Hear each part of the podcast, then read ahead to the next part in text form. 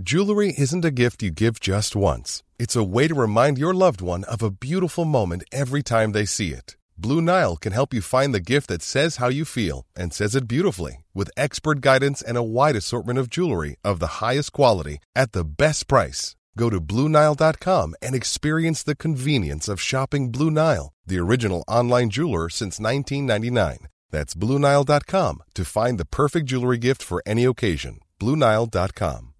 If you're looking for plump lips that last, you need to know about Juvederm lip fillers. With Juvederm Volbella XC and Juvederm Ultra XC, your lip look, whether it's subtle or bold, can last up to one full year with optimal treatment and no additional maintenance. Find a licensed specialist and see if it's right for you at juvederm.com today. That's J U V E D E R M.com. Add fullness to lips in adults over 21 with Juvederm Volbella XC or Juvederm Ultra XC. Do not use if you have severe allergies or a history of severe allergic reactions, or if you're allergic to lidocaine or the proteins used in Juvederm. Tell your doctor if you have a history of scarring or taking medicines that decrease the body's immune response or that can prolong bleeding. Common side effects include injection site redness, swelling, pain, tenderness, firmness, lumps, bumps, bruising, discoloration, or itching. As with all fillers, there's a rare risk of unintentional injection into a blood vessel, which can cause vision abnormalities, blindness, stroke, temporary scabs, or scarring. For full important safety information, visit juvederm.com. Hey, it's Ryan Reynolds, and I'm here with Keith, co star of my upcoming film, If, only in theaters, May 17th. Do you want to tell people the big news? All right, I'll do it. Sign up now and you'll get unlimited for $15 a month in six months of Paramount Plus Essential Plan on us. Mintmobile.com slash switch. Upfront payment of $45 equivalent to $15 per month. Unlimited over 40 gigabytes per month. Face lower speeds. Videos at 480p. Active Mint customers by 531.24 get six months of Paramount Plus Essential Plan. Auto renews after six months. Offer ends May 31st, 2024. Separate Paramount Plus registration required. Terms and conditions apply if rated PG. Eh, Vi hade ju förra veckan det här attentatet i Ankara. Eh, och och eh, det få som vet att det här kommer ju som, en, som ett svar på eh, Turkiets, Jättefå vet det. ja, Turkiets attacker mot, mot eh, PKK-baser i, i Kandilbergen, mot, mot eh, faktiskt att de har 125 militära baser i södra Kurdistan, i det Irak-ockuperade Kurdistan. Att man utför ständigt attacker mot Rojava. Det är nu senast igår så flygbombade man eh, infrastruktur i Rojava och det är civila som drabbas framför allt. Jag har inte sett en enda tidning i Sverige prata om det där.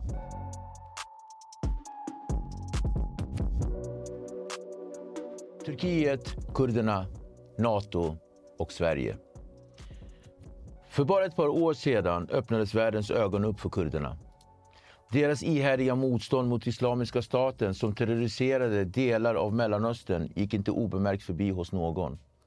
Med en omvärldssympati för sin kamp mot bland de mest bestialiska våldsverkare genom historien betryggade de hela samhället från att hamna i klorna på radikala fanatiker men till ett kostsamt pris där många förlorade sina liv och massvis blev mördade och terroriserade.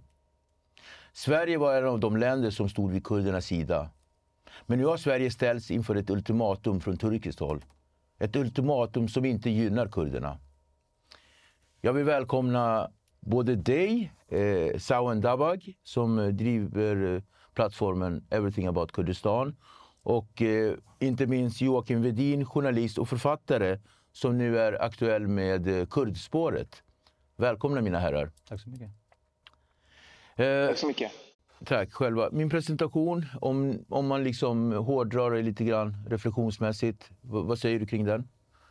Nej, men det, det, det lät bra. Det lät som att jag lyssnade på en ljudbok. Ja. eh, professionellt och bra beskrivning av eh, hur man såg på eh, ja, de här kurderna som kämpade. Eh, deras hjälteinsats i, i Rojava, i, i Syrien, i Syrienkriget. Så, Och Joakim, och för dig då, när du, alltså, just det här med, med det, som, är- det kostsamma priset som kurderna har fått betala. Vad tänker du när du hör eh, det utlägget? Jag, jag tänker att det är det är en helt riktig beskrivning att eh, Sverige har ju fått de här kraven ställda på sig under NATO-processen. Eh, och Sverige har, har sedan behövt ta ställning, Sveriges regering har behövt ta ställning till vad ska vi ha för relation till kurderna? Hur ska vi se på kurderna? Jag skulle också tillägga att innan NATO-processen så hann det svenska samhället, som en gång hade lärt sig så mycket om kurder, hann lite grann glömma bort det. För att den mediala bevakningen av, av, av kurder och vad kurder sysslar med i Mellanöstern och, mm. och konflikterna som utspelas där. Eh, det mediala intresset har svalnat ganska mycket mellan att IS bekämpades, eh, att kriget mot IS var klart och att NATO-processen började. Ja, och jag tänkte också kring det här mediala intresset som faktiskt har svalnat. Eh, du har ju en plattform, eh, Everything about Kurdistan. Vad är syftet med er plattform? Har den kommit utifrån det svalnande medieupp, upp, mediebevakningen kring kurdernas situation? Alltså den, min plattform började 2014, 15 där. Mm. Eh, mer som en Facebookgrupp för att eh, informera svenskkurder om eh, situationen i, i eh, Rojava och eh, Bashur, alltså Irak och Syrien ockuperade Kurdistan. Mm. Um, och Ja, det var så det började helt enkelt. Sen har det utvecklats och, och med tiden har det gått lite till andra projekt och så här. Mm. Um, men, eh, men idag är ju syftet att liksom genom, genom content eh, på Youtube, Instagram och så vidare eh, ena kurder, informera kurder, informera icke-kurder eh, om både det här som har hänt i Syrienkriget mm.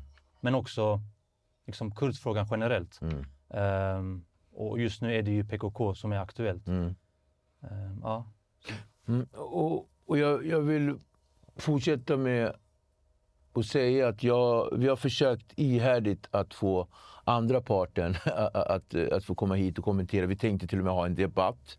Men eh, för första gången i dialogisk debatthistoria har vi inte lyckats få någon, eh, någon som vill motargumentera för den här frågan. Vad kan det bero på, tror du, Joakim?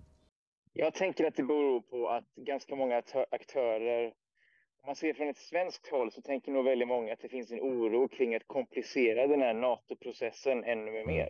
Mm. Det här har varit ett, ett, ett, ett prestige, en prestigefråga för, för ganska många politiska läger, för två regeringar att ro det här i hamn så fort som möjligt. Eh, det har, det, har ganska, det har misslyckats för ganska mycket. Det har dykt upp väldigt många hinder eh, och bromsklossar på vägen. Jag tror att man är lite orolig över att medverka i något sammanhang där någonting kan sägas eller där någon annan person kan medverka som gör att det blir anledning för regeringen i Ankara att ytterligare protestera och, eh, och lägga in en, ja, ännu en bromskloss liksom på vägen. Kan man säga att, att, eh, att man går på, på is eller man går på glas? Kan man säga så? Absolut. Och det Joakim Medin säger, det stämmer absolut. Mm. Men det är också um, det aktuella läget med Nato och, och det här. Um, jag skulle också vilja lägga till att jag tror det handlar också om att man inte har så mycket att argumentera. Mm. Uh, jag kan sitta här och argumentera um, och ta in liksom hela historien, hela den historiska kontexten. Um, vad kurderna har upplevt i Turkiet, alltså hundra år tillbaka. Um, men, men det, det, enda argumentet som jag skulle tro att de har på den sidan mm är egentligen bara, ja men det här, PKK är terrorister, eh, de gör det här och det här och det här. Det finns inte så mycket att, att försvara mer än så, skulle jag tro. Mm. Eh, men det är bara spekulationer, jag kan inte tala för dem. Sant, sant, det är bara spekulationer och vi kan ju aldrig få veta det om, i och med att de inte är här. Mm. Vi ska, vi ska komma in lite mer på PKKs historia längre fram. Men jag, tänker, jag, jag riktar mig till dig Joakim. Vilken situation befinner sig kurderna i Turkiet just nu? Eh, situationen för, för kurder i Turkiet är, eh, för att uttrycka det milt, väldigt tuff. Eh, ända sedan inbördeskriget mellan den turkiska staten och PKK återuppstod sommaren 2015 så har, så har staten gått ut väldigt, väldigt hårt mot de flesta, för att inte säga alla typer av, av jag menar, civilsamhällesorganisationer, politisk opposition, eh, medier och enstaka journalister som vågar påtala någon form av kritik mot bristen på ordentliga demokratisk kulturella rättigheter för kurder och andra eh, minoriteter, folkgrupper i samhället. Eh, och andra som också råkar vara av kanske kurdisk börd och råkar kritisera systemet för att bli allt mindre demokratiskt. Och så här ser det också ut egentligen för generellt för, för oppositionellt orienterade krafter i Turkiet. Men, men det här slaget liksom extra hårt mot, eh, mot just kurder på grund av, eh, av den här långa, långa konflikten som finns mellan, eller kring den kurdiska frågan i Turkiet. Vad säger du? Jag håller med. Ehm, det enda ehm, demokratiska hoppet i Turkiet var ju HDP, eh. Partiet där som blev folkvalt in i parlamentet. Mm. Eh, och eh, majoriteten av deras representanter sitter ju idag i fängelse. Ehm, den partiledaren Selahattin Demirtas sitter i fängelse nu, jag tror det är på 7-8 år eller något mm. sånt. Och då pratar vi om politiker som är demokrater, mm. som är oppositionen till, till det här uh, allt mer auktoritära och, och uh, odemokratiska uh, Erdogan-styre. Mm. Um, så så det, kurderna går på knäna och, och jag vet till och med att de redan nu förbereder sig för att bilda ett nytt parti för att man förutser att HDP när som helst kommer att läggas ner. Mm. Det är tufft. Mm. Joakim, eh, Sverige har ju varit eh, en av de länderna som uttryckligen uttryckt stöd för kurdernas sak genom flera olika regeringar. Eh, man har inte minst skickat soldater eh, och så här, under Islamiska staters framfart. Eh, jag, jag, tänker då till den irakiska delen av Kurdistan har man skickat soldater för att utbilda peshmerga. Eh, peshmerga. Men var står Sverige i fråga om kurderna idag? Ja, där kan man ju först och främst konstatera att Försvarsmakten har ju fortfarande kvar militär personal eh, i, eh, i Irak och Kurdistanregionen. Eh, för att fortsätta ge liksom eh, eh, någon form av assistans, men idag är det mer på ledningsnivå också, mm. Ehm, till, till peshmerga. Mm. Samtidigt, vilket jag berättar i, eh, i min nya bok så finns det också en, eh, en svensk närvaro. Ehm, både före NATO-processen började och fortfarande idag finns det en svensk närvaro hos kurderna i självstyret i nordöstra Syrien som är betydligt mindre känd och som är om möjligt ännu mer hemlig om den svenska insatsen än den svenska insatsen i Irak är. Eh, så det finns fortfarande, trots allt som har hänt eh, under NATO-processen, det finns fortfarande kvar ett svenskt stöd och en svensk relation till kurderna, både i Irak och i nordöstra Syrien.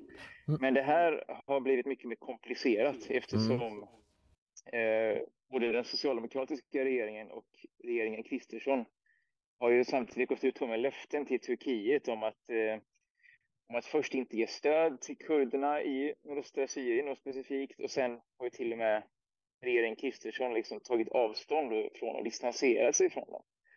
Så men, det, men, men det... Det, det, tycker jag är väldigt viktigt att lyfta, för det har liksom gjort eh, arbetet för mm. svensk militär personal på marken mycket krångligare. Ja, och, men det här svenska stödet, är det beroende på vilken del, eh, alltså vilken del och parti från Kurdistan det rör sig om? Eh, är du med? Min fråga. Jag skulle säga att, att eh, eh, det är mer eller mindre känsligt beroende på vilken del man arbetar i. Alltså sven, eh, svenska eh, militära styrkor dök upp på marken i eh, både nordöstra Syrien och Irak från och med 2014. Mm. Eh, det här har jag liksom fått, fått belagt från, från källor i Sverige. Och Försvarsmakten har ju liksom haft, det finns till och med en, en egen webbsida för deras insats i Irak och i Kurdistanregionen. Mm. Men man har varit mycket, mycket mer hemlighetsfull kring vad man har sysslat med i nordöstra Syrien. Och det är eh, dels på grund av att man har behövt göra det i, i, eh, i strid mot Turkiets önskan, vilket har varit mycket mer känsligt att förhålla sig till än ja, vad till exempel Iran skulle tycka om att det finns svenska soldater i Irak. Eh, dels så tror jag att man också fått en uppmaning om att göra det här ganska hemlighetsfullt av amerikanerna som har agerat på ungefär samma sätt, åtminstone under de första åren. Ses det här som ett eh, svek från kurdernas håll? Alltså, eller svek av kurderna från, från Sveriges håll? Ses det här som ett svek, tror du? Sa hon. Eh, absolut. Relationen mellan Sveriges olika regeringar och kurdfrågan mm. går ju som en berg och dalbana. Ja. Eh, när... Det känns som att det går från regering till regering, eller är det så det är? men också, också inom regeringar. Alltså, mm. Den socialdemokratiska förra regeringen, eh, de la ju in ett vapenembargo mot Turkiet i eh, invasionen av Afrin. Det är en stad i, i eh, västra Kurdistan som Syrien då ockuperar och nu Turkiet. Mm. De la in det här som en, som en liksom aktion mot Turkiet. Men så fort nu när Nato blir aktuellt så tog man bort den vapenembargon, man börjar förhandla, man glömmer bort kurderna. Så, och det är inte första gången utan utan liksom, som jag sa, relationen går ju i en berg och dalbana och mm. kurderna ser det absolut som ett svek. Det, det var samma sak när um, uh, Olof Palme mördades. Um, det går upp och ner. Man, man, man målar ut kurder som ja, gärningsmän i olika nivåer hela mm. tiden känns det som.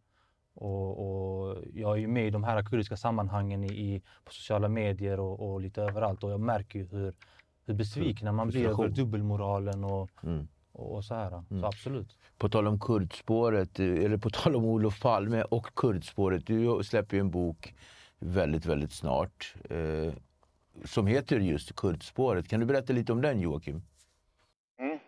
Eh, den heter ju så därför att eh det anspelar delvis på PKK-spåret som, som mm. alltså uppstod eh, till följd av eh, mordet på Olof Palme där man, där man eh, då misstänkte PKK för att ligga bakom det statsministermordet och eh, det här fick en hel del kurder i det svenska samhället att känna sig utpekade som, mm. Som ett problem, som ett samhällshot. Mm. Som, som att man på något vis äventyrade hela det svenska samhällets säkerhet när man till och med hade mördat en statsminister. Och det visade sig vara fel. Eh, och jag anspelar ja. på detta i titeln därför att så har en hel del kurder kommit att känna inför NATO-processen, men framförallt under NATO-processen, att man på något vis målas ut som ett mycket, mycket stort problem för det svenska samhället och, eh, och får en stämpel på sig. Mm. Boken handlar om att eh, jag sedan 2020 har undersökt det faktum att Säkerhetspolisen, Säpo, har satt en stämpel på en hel massa kurder i det svenska samhället eh, eh, som att de är säkerhetshot. Mm. Eh, vissa har fått den här stämpeln på sig och det har resulterat i att de har mottagit, mottagit utvisningsbeslut, bland annat till Turkiet. Och det här har, flera av de här utvisningarna har verkställts också. Andra som har fått en sån här stämpel på sig har inte blivit utvisade, men de har istället blivit eh, fått stora problem med att eh, eh kanske söka arbete i svenska myndigheter. De har haft svårigheter med att bedriva företagsverksamhet, blivit nekade arbetstillstånd och så vidare. Och så vidare. Och allt det här skriver jag om. och Jag möter de här människorna i fråga i boken. När sen NATO-processen började så har den här, den här saken som har pågått i några år nu eh, blivit en del och hamnat i centrum av NATO-processen. För att Turkiet har ju krävt åtgärder mot kurdiska individer och organisationer som man betraktar som terrorister på svensk mark. Och då har mycket fler sådana här konstiga saker kommit att hända. Samma personer, samma miljö som har drabbats av de här Säpo-stämplingarna flera år dessförinnan. Mm. I december i fjol så, så verkställdes ju eh, två utvisningar. Det var ju två kurdiska asylsökande män som blev utvisade med samma, eh, med samma flyg i Turkiet. Och en av dem hamnade ju i fängelse i Turkiet och hängdes ut mm. som en terrorist i turkisk media.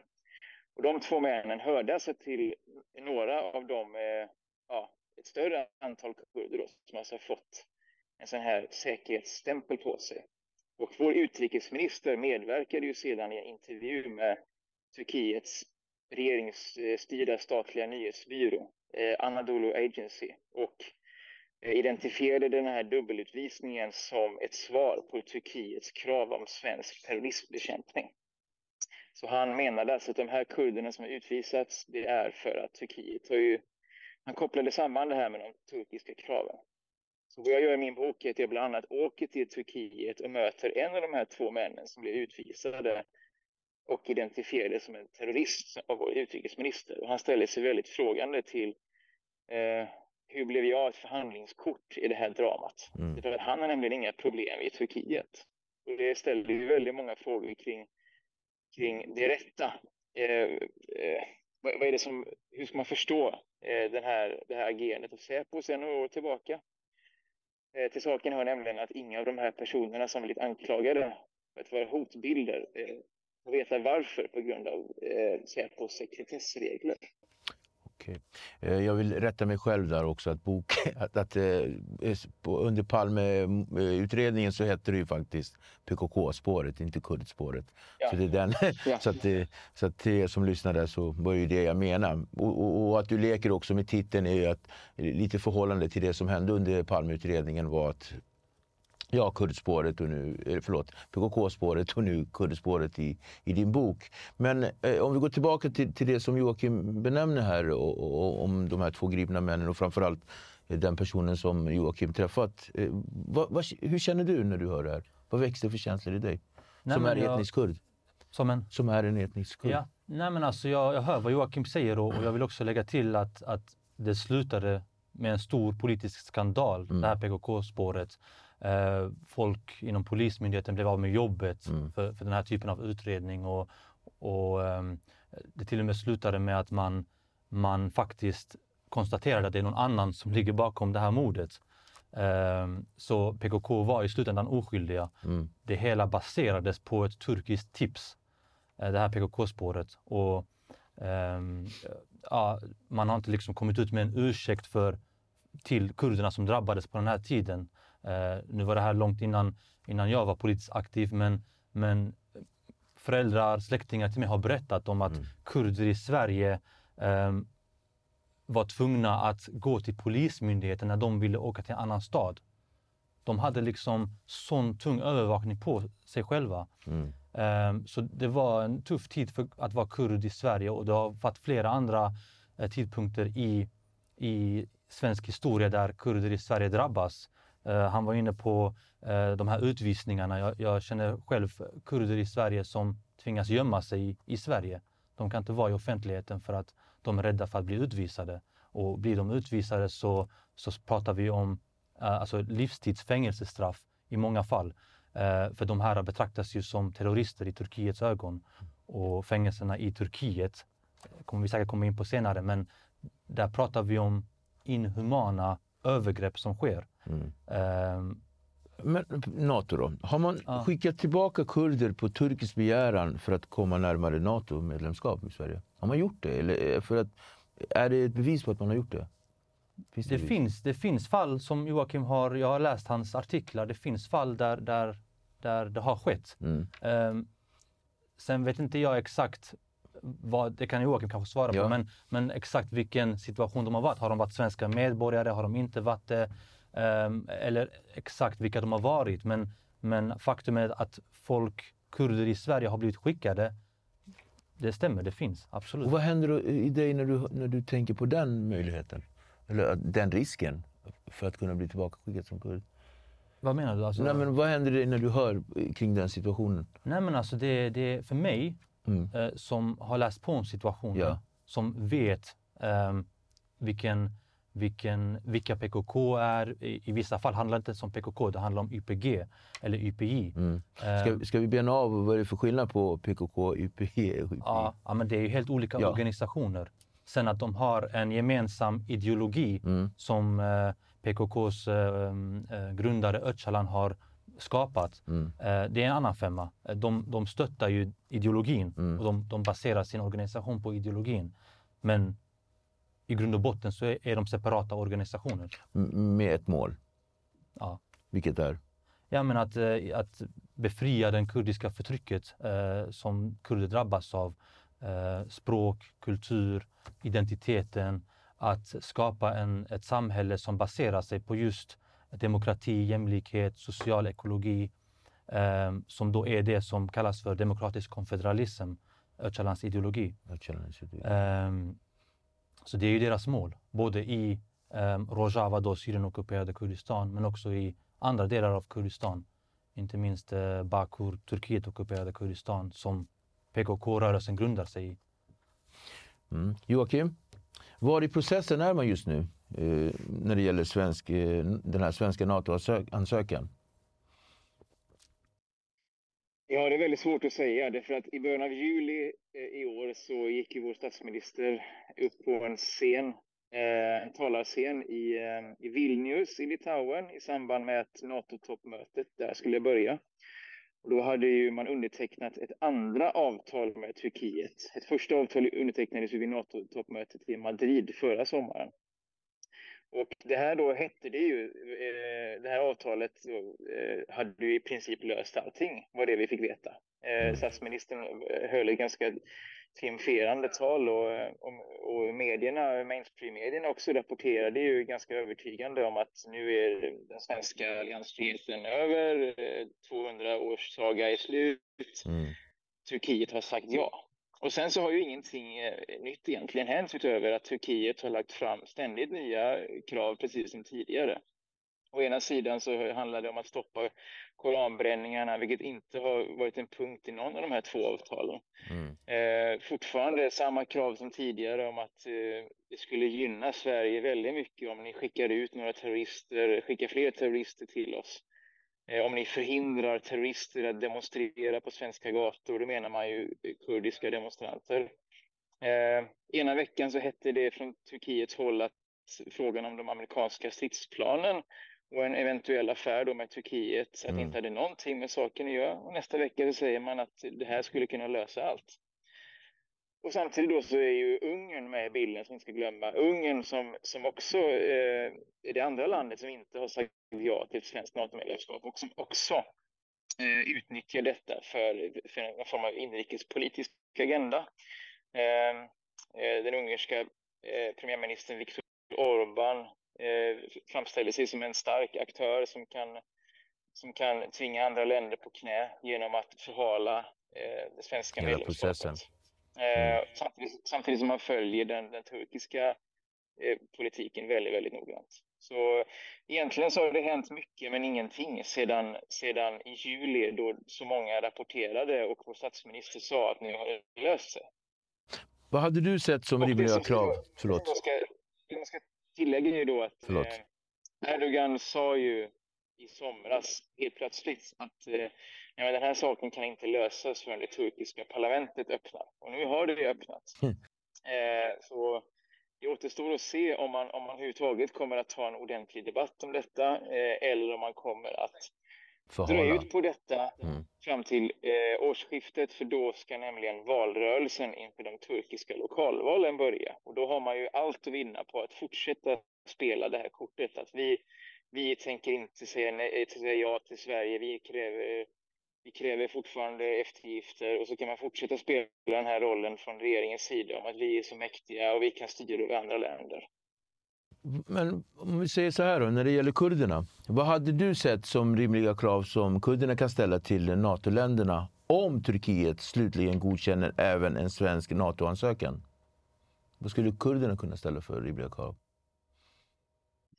Ja, det är en bra fråga. Eh, mm.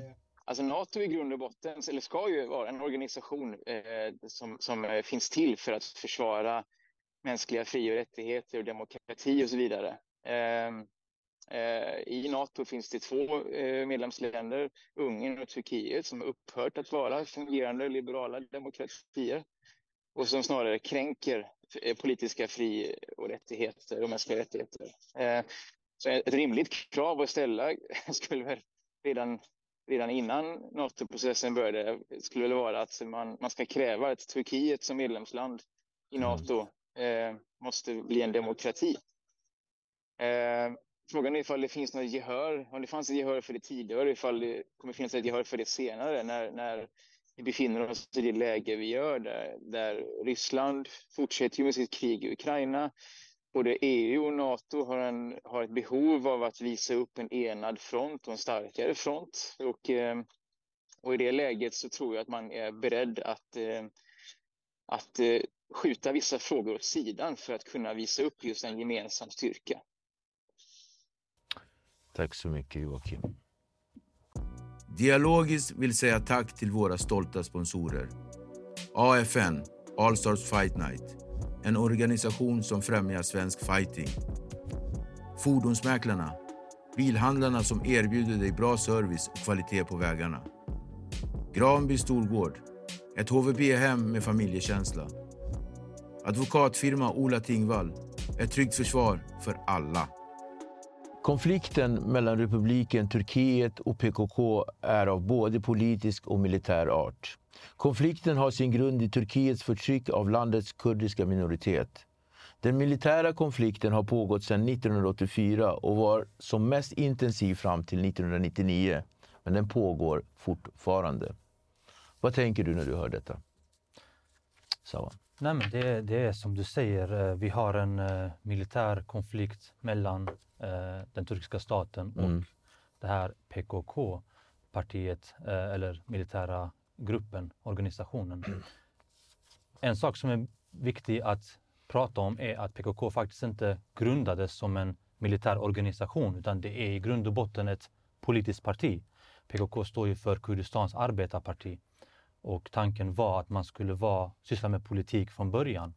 Och för att förstå varför man väljer att gå in i en militär konflikt med Turkiet så måste man också förstå sig på den historiska kontexten bakom kurdfrågan och, och ehm, det förtrycket som... Men ska vi bena ut då? Mm. För en gång för alla här. Ja. Så vad, vilka är PKK?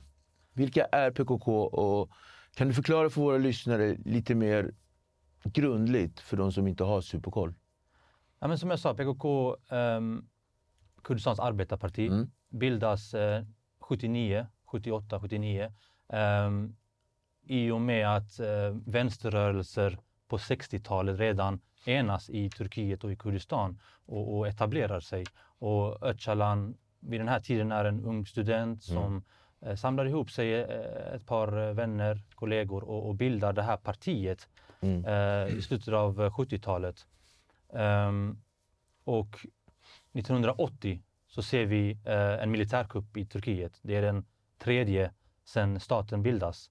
Ehm, och den här militärkuppen eh, innebär otrolig eh, eskalering av eh, förtrycket mot kurder. Mm. Hundratusentals arresteras, tusentals mördas.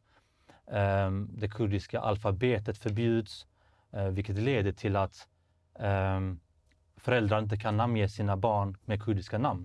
Ehm, om man tänker på det så ser man att kurder i Turkiet idag, många har turkiska namn. Ehm, och den här, och även just under den här tiden så en av grundarna till PKK, Mazlum Doğan, grips, grips av Turkiet. Mm. Detta är en tid då eh, PKK är ett politiskt parti. Man har inte gjort någon, eh, någon attack eller Mm. så här. Och Mazlum Doğan han sätts i eh, Diyarbakir-fängelset Mm. eh, som är ökänt. Eh, den är med i eh, topp 10-listan för världens mest brutala fängelsen Mm. genom historien. Mm. Eh, där tvingas man att äta bajs. Man får eh, elchocker mot sina privata könsorgan. Man eh, attackeras med eh, spikspjut och sen kastas in i celler fyllt av salt. Eh, brutala övergrepp, våldtäkter, mord. Eh, och det ledde till att Mazlum Doğan 1983 eh, begår självmord i fängelset Ta sitt liv. eh, genom att bränna upp sig själv. Och ehm, ja, några år senare så, så tar PKK det här beslutet utifrån ett stort förtryck att ehm, bli en militär organisation. 84 gör man sin första attack. Ehm, sju turkiska soldater dödas, tre polismän dödas. Och jag vill bara belysa kontexten att polisen i Turkiet då pratar vi inte, man kan inte jämföra det i en svensk kontext med polisen i Sverige. Polisen i Turkiet är brutala. ehm, Av naturen. ja men alltså absolut, de, de är liksom brutala. De, de är kända för sitt förtryck mot den kurdiska befolkningen. Mm. Så ehm, ehm, PKK för det mesta, visst inga, ingen grupp har ren historia, men för det mesta så angriper de statliga mål. Militär, polis. Okej. Ja, det är så du menar. Du menar ja. då att polisen, eh, turkiska polisen här har en, en approach som gör att de... De blir legitima mål legitima i ett krig. Mål. Absolut. Sen får jag bara tillägga ja, en grej. Absolut. Um, jag är inte, jag måste bara, det här är viktigt att ja. tillägga, jag är inte um, medlem i PKK. Nej. Jag är inte någon representant för deras uh, ledning eller, eller någon aktivist, utan jag är här som kurd mm. uh, och talar som kurd. Um, ja, men... och det har vi varit tydliga med, men då är vi ännu mer tydliga med ja, att du, du, är inte här liksom som eh, pro-PKK eller någonting så. Och inte är Joakim heller, utan du har ju kommit i, i egenskap av eh, expert och att du har skrivit om, om det här i flera år och sådär. Tack så mycket. Jag tänker att vi kommer tillbaka. Men jag tänker, på det, men jag tänker Joakim, om vi går vidare då, historiken kring PKK. Har PKK några allierade utanför den kurdiska gemenskapen? Eh, och så. I så fall, vilka är det? Om de nu har det. PKKs allierade. Eh, utanför den, utanför den kurdiska eh, Gemenskapen. kontexten menar du? Mm. Eh, det kan man väl eh, säga i princip. Eh, eller åtminstone så finns det eh, ett antal liksom, påhejare av den kurdiska saken. Eh, det finns ett ganska stort antal, jag menar solidaritetsgrupper i olika länder i världen. Också utanför Mellanöstern då. det finns liksom eh, aktiviströrelser, det finns eh, ett antal eh, eh, advokater och, och, juridiska experter som också engagerat sig i, i att eh, å ena sidan försöka problematisera fängslandet av PKKs grundare Abdullah Öcalan eller försöka problematisera att PKK i eh, 20 års tid har stått på EUs eh, lista över terroristorganisationer eller bara allmänhet engagera sig i att försöka sprida information om, om rörelsen och dess bakgrund och eller den större kurdiska frågan som allting handlar om. Varför är PKK terrorklassat av EU, Nato och nu Sverige? Då? Eller ja, och Sverige framförallt. Eh, PKK terrorklassades eh, i efterdyningarna till 11 september-attackerna 2001 mot USA. Eh, det som hände eh, i samband med 9-11 som vi känner till det var ju att USA väldigt snabbt inledde det som historieböckerna kallar kriget mot terrorismen. Mm. Eh, och man upprättade också en väldigt, väldigt omfattande lista över organisationer man betraktade som terroristorganisationer. Och den satte man PKK, men man satte också eh, de två kurdiska partierna KDP och eh, PUK i Kurdistanregionen i, Kurdistanregionen i Irak. Mm. Eh, och den här USAs omfattande lista har eh, sett ut som den har gjort i ganska många år. Från och med 2003 så, så har KDP och PUK varit allierade med USA. Eh, trots det så dröjde det fram till 2015 innan USA tog bort de här två partierna från listan medan man har låtit PKK stå kvar. Eh, så det är ett exempel som visar på hur de här listorna väldigt snabbt blev permanenta och har varit väldigt svåra att, eh, att förändra. Eh, eh USA tog fram sin lista på politisk grund i samband med att man inledde kriget mot terrorismen. Kort efter det så, så eh, eh förmådde man, eller om jag ska uttrycka det, eh, FNs säkerhetsråd också ta fram en egen lista över terroristorganisationer. Och det ledde i sin tur till att också EU eh, tog fram en lista över terroristorganisationer som i mångt och mycket var liksom, eh, en kopia av den amerikanska. Och på den sattes PKK eh, tillsammans med ett stort antal andra grupper och individer. Och ända sedan dess så har den här listan ehm, ja, funnits kvar, vuxit. Ehm, det, det, finns, det finns sedan 15 år tillbaka lite mer transparens i hur det går till när man, eh, när man, eh, när man eh, gör en översyn av den här listan. Eh, vilket gör att det finns möjlighet att ifrågasätta vilka som står med på den. Men i grund och botten så har väldigt lite förändrats med den eh, under de här senaste 20 åren. Och det är bakgrunden till att, till det här dokumentet som det eh, i synnerhet under NATO-processen, men också innan det, så har det liksom refererats till den här terrorlistan som att det är en självklarhet att den finns. Eh, att, att eh, naturligtvis har EU en terrorlista och naturligtvis så ska det finnas organisationer på den, men så har det inte sett ut, utan det här är en konsekvens av eh, att USA inledde kriget mot terrorismen och att massa andra länder såg allvaret naturligtvis i att eh, al-Qaida växte fram som en global militant islamiströrelse. Eh, innan dess så, så, var inte PKK terrorstämplade i, i EU, utan några enskilda länder hade förbjudit olika symboler kopplade till rörelsen. Eh, eh, några fall finns det med det. Men eh, innan dess fanns det alltså inte någon sån EU-terrorstämpel och då hade alltså PKK legat i väpnad konflikt med Turkiet i eh, nästan 20 år vid det laget. Okej. Okay. Många stöttar inte terrorklassningen på, på PKK, allra minst eh, vänsterorienterade grupper ute i världen.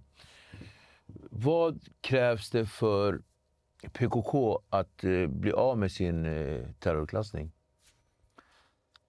Alltså, jag tror inte det krävs så mycket annorlunda, någon annorlunda taktik från PKK egentligen, utan det här handlar ju om analyserar man de olika länder som, som terrorklassar PKK, då, då ser man ju tydligt, um, alltså majoriteten är ju NATO-länder. Mm.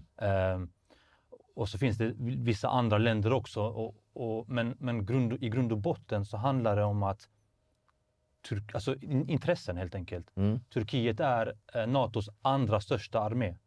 Eh, man ligger på en geografisk plats mellan Europa och Mellanöstern där man har en liksom eh, förhandlings... Eh, vad ska man säga? Eh,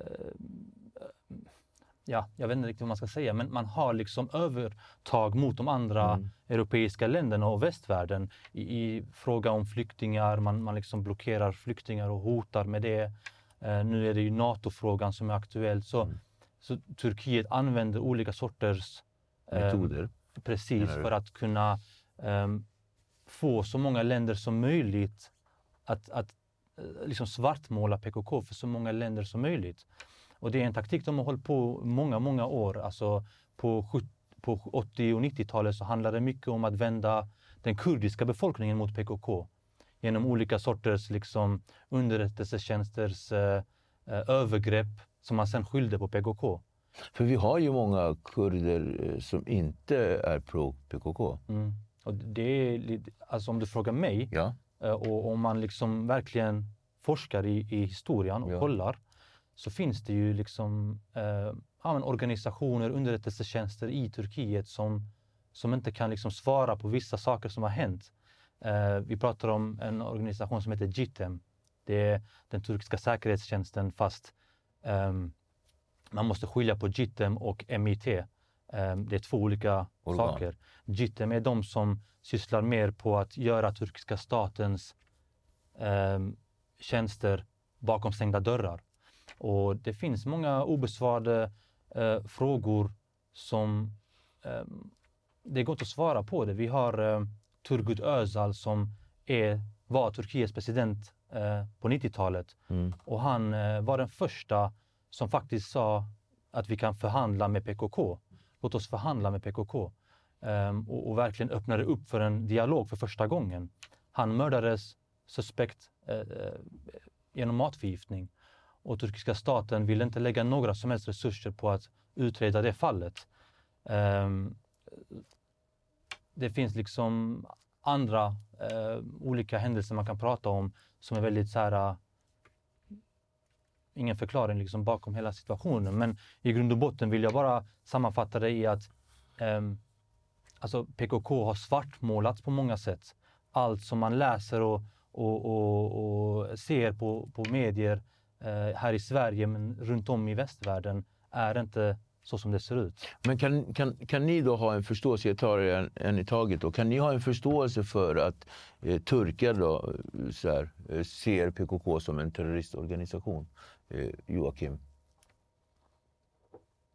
Kan du se det objektivt? Turkiet gör det. Ja.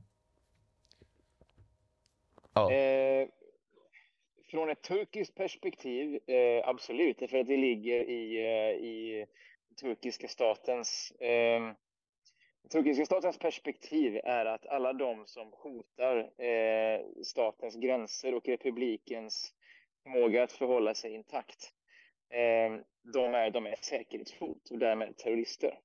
Och det här är inte alls konstigt, för den här synen har, har alla fyra länder där det bor kurder eh, haft om mm. kurdiskt eh, motstånd och eh, kurdiska rörelser som insisterar på att få fler rättigheter. Man måste, gå, man måste gå tillbaka till historien för att förstå detta. Mm. Alltså kurderna blev ju lovade under de internationella samtalen om hur man skulle stycka upp Mellanöstern till massa nya länder efter första världskriget. Då blev kurderna lovade ett eget hemland. Sedan i, i, i västmakternas eh, eh, dåvarande ja, dialoger och konferenser man hade så svek man kurderna. Kurderna fick i slutändan inte ett eget land utan hamnade istället i fyra olika länder. Iran, Irak, Syrien, Turkiet som mm. väldigt stora minoriteter. Och började genast ställa krav på att det här finner inte vi oss i. Vi vill fortfarande ha egna länder. Eh, I brist på det vill vi ha någon form av autonomi eh, och ordentliga, ordentligt inflytande och rättigheter. Och det här resulterade också eh, när kurderna blev föremål för massa förtryck så eh, resulterade också det här i väpnade kurdiska resningar. I Iran, Irak, Syrien, Turkiet har kurderna sedan hundra år tillbaka först försökt med politiska medel, sedan med militära medel att tillkämpa sig någon form av frihet och att undvika ett förtryck som ofta har tagit sig eh, rasistiska uttryck också, där man har nekats eh, att, att få uttryck för sin kultur och använda kurdiska personnamn och uttrycka mm. ja, dans och, och sånger och så vidare. Mm. De här länderna har, där kurderna bor, har svarat på detta motstånd med att eh, i olika utsträckning terrorklassa eh, kurdiska rörelser, kurdiska individer, kurdiska initiativ. Så från det perspektivet är det, är det fullt förståeligt varför Turkiet har gjort likadant. För att man betraktar kurderna som ett hot mot, mot gränserna. Eh, och det här beror på ett, eh, i synnerhet i Turkiets fall, ett, ett trauma sedan första världskriget över att man förlorade så mycket mark eh, när det Osmanska riket kollapsade att man inte vill göra det igen. Därför betraktar man kurderna som terrorister. Eh, den här synen har ju, har ju naturligtvis haft en förmåga att förstärkas när sen PKK sattes upp på, på USAs och EUs, dock inte FNs, terrorlistor. Eh, då har det liksom inte funnits eh, några skäl för Turkiet att ändra den här synen. Eh, och det, det, som olika människor har lagt fram är att det har varit ganska svårt att, att gå in och, och medla i den här nu snart 40-åriga konflikten mellan PKK och Turkiet. När den ena aktören är eh, terroristklassad. Det gör det liksom både krångligt, kontroversiellt och så vidare att gå in och medla och försöka kanske hitta en lösning på den här konflikten oavsett om PKK finns på en terrorlista eller inte. Jag, jag vänder samma fråga till dig, men twitcha till den lite grann eh, när det gäller som inte är, de som inte är Turkiet, de andra länderna, eh, omvärlden utom, eh, som inte är Turkiet. Samma fråga. Eh, liksom, om, om du förstår varför man eh, terrorstämplar dem, kurderna. Eller PKK? Alltså, svaret är nej. nej. Jag förstår inte. För att, men jag förstår att det händer med tanke på att det handlar om intressen. Mm. Eh, det handlar om eh, relationer och så. Det är jag fullt eh, övertygad om. Men, men... Du menar relationer till Turkiet? Ja, ja, precis. Vi har de som terrorklassar, förutom NATO-medlemmar. Det är bland annat Sverige. Det är eh, kurdernas egna fiender, Iran till exempel. Um, och så har vi många uh, turkländer om man säger så, alltså um, som är lite mer i Östasien som också terrorklassar mm. um, PKK. men liksom inga länder i, i, i Afrika terrorklassar PKK, inga länder i Sydamerika terrorklassar PKK. Det är ju fler länder som inte, inte gör det, gör det än, som, äh, än som gör det. De som gör det har faktiskt en direkt relation till Turkiet. Agenda, antingen, så. antingen via intressen eller, eller internationella eller, eller NATO-allianser och så här. Ehm, så, så kan ja. vi alla tre komma överens om att, att, att eh, kurderna liksom ligger i centrum för ett maktspel som bara handlar om, inte bara, men som handlar om att eh, profit för, för, för, Turkiet och, och de runt omkring. Så att de har hamnat mm. liksom i ett skruvstäd Kan vi, kan vi komma överens om det? Absolut, och, och jag tänker också att... Det, det kanske är förenklat att säga så. Ja, men, men det är viktigt att konstatera också att varför gör PKK detta? Mm. De har aldrig eh, utfört någon väpnad konflikt för att ta någon annans land. De har aldrig utfört någon väpnad konflikt för att förbjuda någon annans språk mm. eller, eller förtrycka något annat folk. Utan de gör ju detta för, i självförsvar egentligen, för att försvara sitt eget land, för att försvara sitt eget språk, sin egen kultur, sin identitet.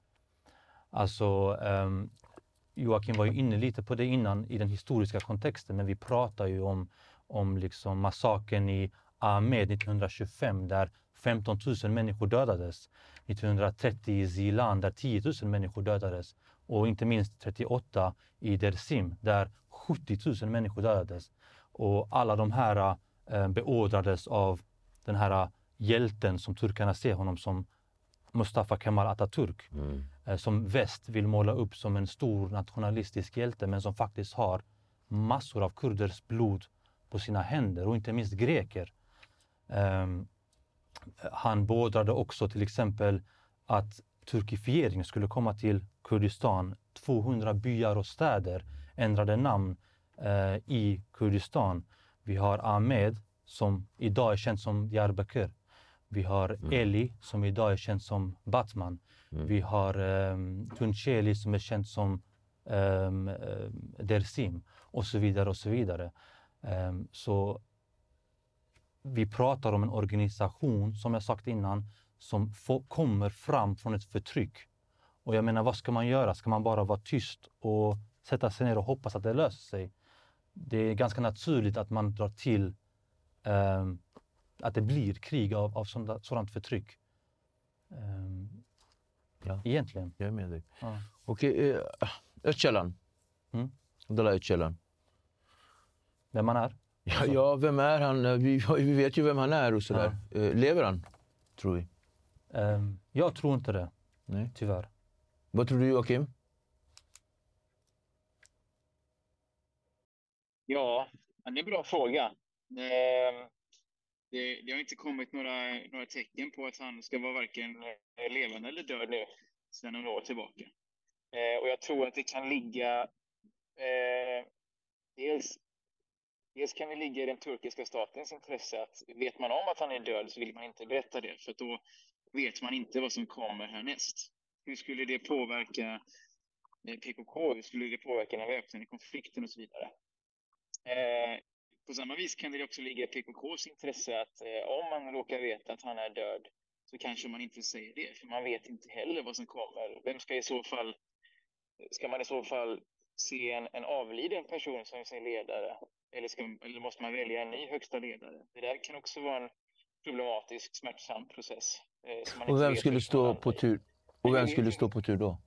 Vem skulle stå på tur då? Finns det någon? Ja, de har ju, de har ju um, ledare i sina grenar som ja, faktiskt olika. styr i praktiken idag. Öcalan är ju högsta ledare som Joakim säger och han är mer en, en ideologisk ledare idag än en, en ledare Fysisk. som... Precis. Så det finns ju um, den militära ledaren Murat Karaylan som, som mer eller mindre styr mm. uh, PKK.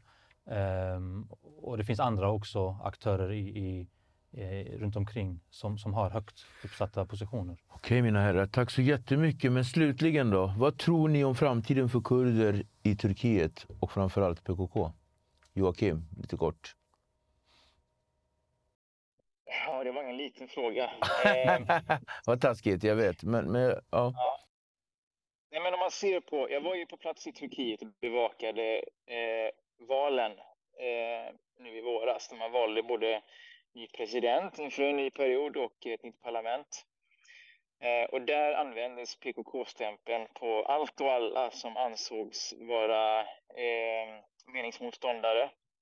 Eh, man satte en PKK-stämpel på den kurdiska oppositionen, man satte en PKK-stämpel på den turkiska socialdemokratiska oppositionen, på journalister, på medier, på de få återstående civilsamhällesorganisationer som finns kvar. Eh, eh, man satte den på, på utländska journalister som var och ställde jobbiga frågor till regeringen. Eh, så i det politiska klimatet och med tanke på att Turkiet blir en mindre och mindre demokratisk nation så ser jag inte att, att det finns någon vilja eh, just nu från regeringens sida att eh, sätta sig i förhandlingar för att få till kanske någon form av vapenvila, kanske få till en fred. Mm. Eh, och jag tror inte så som, eh, så som världspolitiken ser ut idag heller att det finns en särskilt stort intresse hos andra länder att, eh, att gå in och stötta en sån roll. Det här kommer att betyda inte bara att konflikten mellan PKK-gerillan och staten fortsätter. Det kommer också innebära att turkiska civil, äh, förlåt, kurdiska civila, att det kurdiska, alltså vanliga människor som är kurder, kommer att hamna i kläm eh, för, för dels konflikten i sig, men också för statens repressioner. Det kommer att göra att man blir fortsatt nekade ordentliga rättigheter, att man, att man eh, inte har möjlighet att starta upp organisationer utan att få dem förbjudna och att dess ledare blir fängslade, att människorättsförsvarare kastas i fängelse, att människor jagas i exil och, måste bli flyktingar och så vidare och så vidare. Så jag ser tyvärr ganska, sett till utvecklingen hittills, väldigt mörkt på, på framtiden. Ser du? Jag håller med. Eh, vi hade ju förra veckan det här attentatet i Ankara. Mm. Eh, och, och eh, det få som vet att det här kommer ju som, en, som ett svar på eh, Turkiets, Jättefå vet det. Ja, Turkiets attacker mot, mm. Mot eh, PKK-baser mm. i, i Kandilbergen, mm. mot, mot eh, faktiskt att de har 125 militära baser i södra Kurdistan, i det Irak-ockuperade Kurdistan. Eh, att man utför ständigt eh, attacker mot Rojava. Det nu senast igår så flygbombade man eh, infrastruktur i Rojava och det civila som drabbas framför allt. Jag har inte sett en enda tidning i Sverige prata om det där. Uh, och, och, tyvärr så ser jag det väldigt mörkt. Jag, jag måste bara tillägga också att, att um, efter attentatet i Ankara så um, uttalar sig PKK, de tar ju på sig det här attentatet och de uttalar sig och säger att två civila polismän skadades. Inga dog. Det här var bara en uh, symbolisk attack för att visa att vi är här. Um, hade vi velat skada människor så hade våra, de här personerna gått 50 meter västerut, mm. så ligger parlamentsbyggnaden där. Mm. 600 kandidater hade kunnat dödas om nu PKK vill döda människor. Mm. Man attackerar um, inrikesdepartementet som är faktiskt ansvariga för förtrycket mot kurder, för dödandet, dödandet av kurder. Uh, och ingen dör. Um, och även, varför gör man ett självmordsattentat? Då kommer vi ännu en gång till den här desperationen jag pratar om. Vi pratar om gerillamän mm. som uh, känner att de hellre dör än blir fångade av Turkiet. För vad händer då? Då hamnar de i de här fängelserna där de här brutala övergreppen sker. Mm. Så att liksom, samma sak på liksom 80-talet med peshmerga. Man valde att spara en kula i sin pistol för att skulle man hamna i fångenskap av Saddam Husseins soldater, då hade man en utväg och det är att göra självmord. Mm. Så det här är en, en desperation som har genomsyrat den kurdiska eh, frihetskampen i, i många år. Mm. Och, och, det är enkelt att bara se det som att ah, de gör självmordsattentat, ah, de är lika illa som al-Qaida som jag hörde någon jämföra det med. Mm. Det är inte så lätt. Mm. Som. Det politiska spelet som ligger bakom, är det den största bromsklossen eller är det liksom en, en naturlig följd till allting? Nej, men man har ju, inte, man har ju liksom så här, de, de flesta kurder eh, vill inte längre ha en väpnad konflikt. Man vill se en lösning på det här och, och, eh, och eh, man vill se Turkiet utvecklas till en demokratisk stat. Det är därför som kurderna i Turkiet gång på gång fortsätter bilda nya partier för att försöka lösa detta med politiska medel. Gång på gång förbjuds deras partier. Men, men jag kan se att västmakterna som, som krigade mot IS eh, och den här USA-ledda koalitionen. Man hade en ganska unik chans att gå in och försöka medla den här konflikten i och med att man gick in och stöttade kurderna i Syrien så kraftigt. Istället så, så liksom fortsatte man helt tiden prata om det som ett helt utfenomen. Att kurderna eh, etablerar ett, ett självstyre i Syrien och inte har någonting att göra med den kurdiska frågan på andra sidan gränsen i Turkiet. Så tyvärr är det bäddat för att den här konflikten fortsätter. Nej, men precis, precis som, som Joakim säger här. Um, och förutom de här uh, partierna som kurder ständigt bildar, HDP, är ju ja, eh, det är ett antal partier före HDP som har bildats och lagts ner och förbjudits. Mm. Uh, som, uh, som nu, och så nu är det HDP som också är demokratiskt byggt parti um, som håller på att läggas ner eller förbjuds. Um, och sen så vill jag också lägga till att från PKKs sida, de är ju beredda att när som helst lägga ner, lägga ner vapen mm. och komma till förhandlingsbordet. Mm. Eh, Öcalan har sagt det tidigare när vi haft, liksom, har hört från honom via hans eh, eh, advokat att jag vill gå till förhandlingsbordet. Eh, det är... Men det har aldrig hänt? Det har hänt att de har varit i förhandlings... Eh, men alltså det har aldrig gått vidare än bara Nej, men alltså, alltså det har varit att, att andra saker kommit emellan. Mm. Jag, jag, jag, kan jag, jag, kan tänka mig att Erdogan eh, tänkte att det var HDP som gjorde att han var tvungen att liksom komma in i... Fast har det hänt innan Erdogan? Det måste du ju liksom ha... Förhandling? Ja, Joakim. Ja. Det har absolut funnits eh, försök till, eh, alltså till, till någon form av dialog det har det gjort. Eh, som inte riktigt nådde ända fram. Det har för det mesta lett till kortare vapenvilor. Eh, och sen efter att eh, Öcalan blev infångad 99, då, eh, då eh, utropade ju PKK en eh, vapenvila som varade i nästan fem års tid. Och Erdogan kom ju till makten han framställs åtminstone som en väldigt, väldigt liberal, tolerant politiker. Och han, han liksom ingöt väldigt mycket hopp hos kurder också när Erdogan först kom till makten i början av 2000-talet. Med löftet om att, om att lösa Turkiets alla konflikter, däribland den kurdiska frågan. Och det ledde ju till att Erdogan tog initiativ så småningom till dialog. Och det var ju också en, en vapenvila och fredssamtal eh, under två och ett halvt års tid. Våren 2013 till sommaren 2015. Och tyvärr så kollapsade detta och kriget återuppstod. Eh, och det var i mångt och mycket Erdogan själv hade mejslat fram detta som, som, eh, som bröt vapenvilan. Ja, okej okay, mina herrar. Det var den tiden vi hade. Jag önskar att man, kunde sitta, man skulle kunna sitta kvar i nästan evigheter och dissekera allt från historia till nutid och, och en förhoppning om en ljus framtid. Men jag vill tacka er för att ni kom. Tack så mycket för din tid Joakim, ända från eh, Polen. Ja, tack så mycket. Aha, tack, tack så jättemycket. Tack. tack.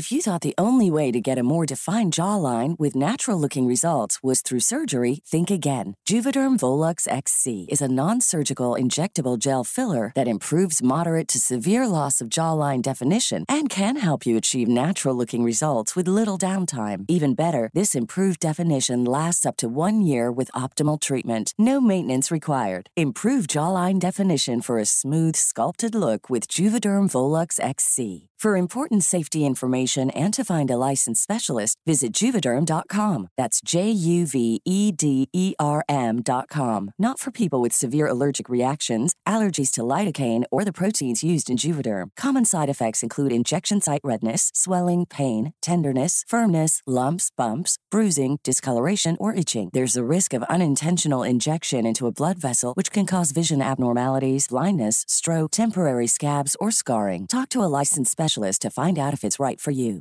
Planning for your next trip? Elevate your travel style with Quince. Quince has all the jet setting essentials you'll want for your next getaway, like European linen, premium luggage options, buttery soft Italian leather bags, and so much more. And is all priced at 50 to 80% less than similar brands. Plus, Quince only works with factories that use safe and ethical manufacturing practices. Pack your bags with high-quality essentials you'll be wearing for vacations to come with Quince. Go to quince.com slash pack for free shipping and 365-day returns. Hey, folks, I'm Mark Marin from the WTF Podcast, and this episode is brought to you by Kleenex Ultra Soft Tissues, your ally to help tackle your allergy symptoms this season. I love the change of seasons, but nobody loves pollen and all those other things floating in the air that make you sneeze during this nice weather. Kleenex Ultra Soft Tissues are hypoallergenic and allergist approved, so fight back against watery eyes and runny noses without worrying about irritating your skin. For this allergy season, grab Kleenex and face allergies head on.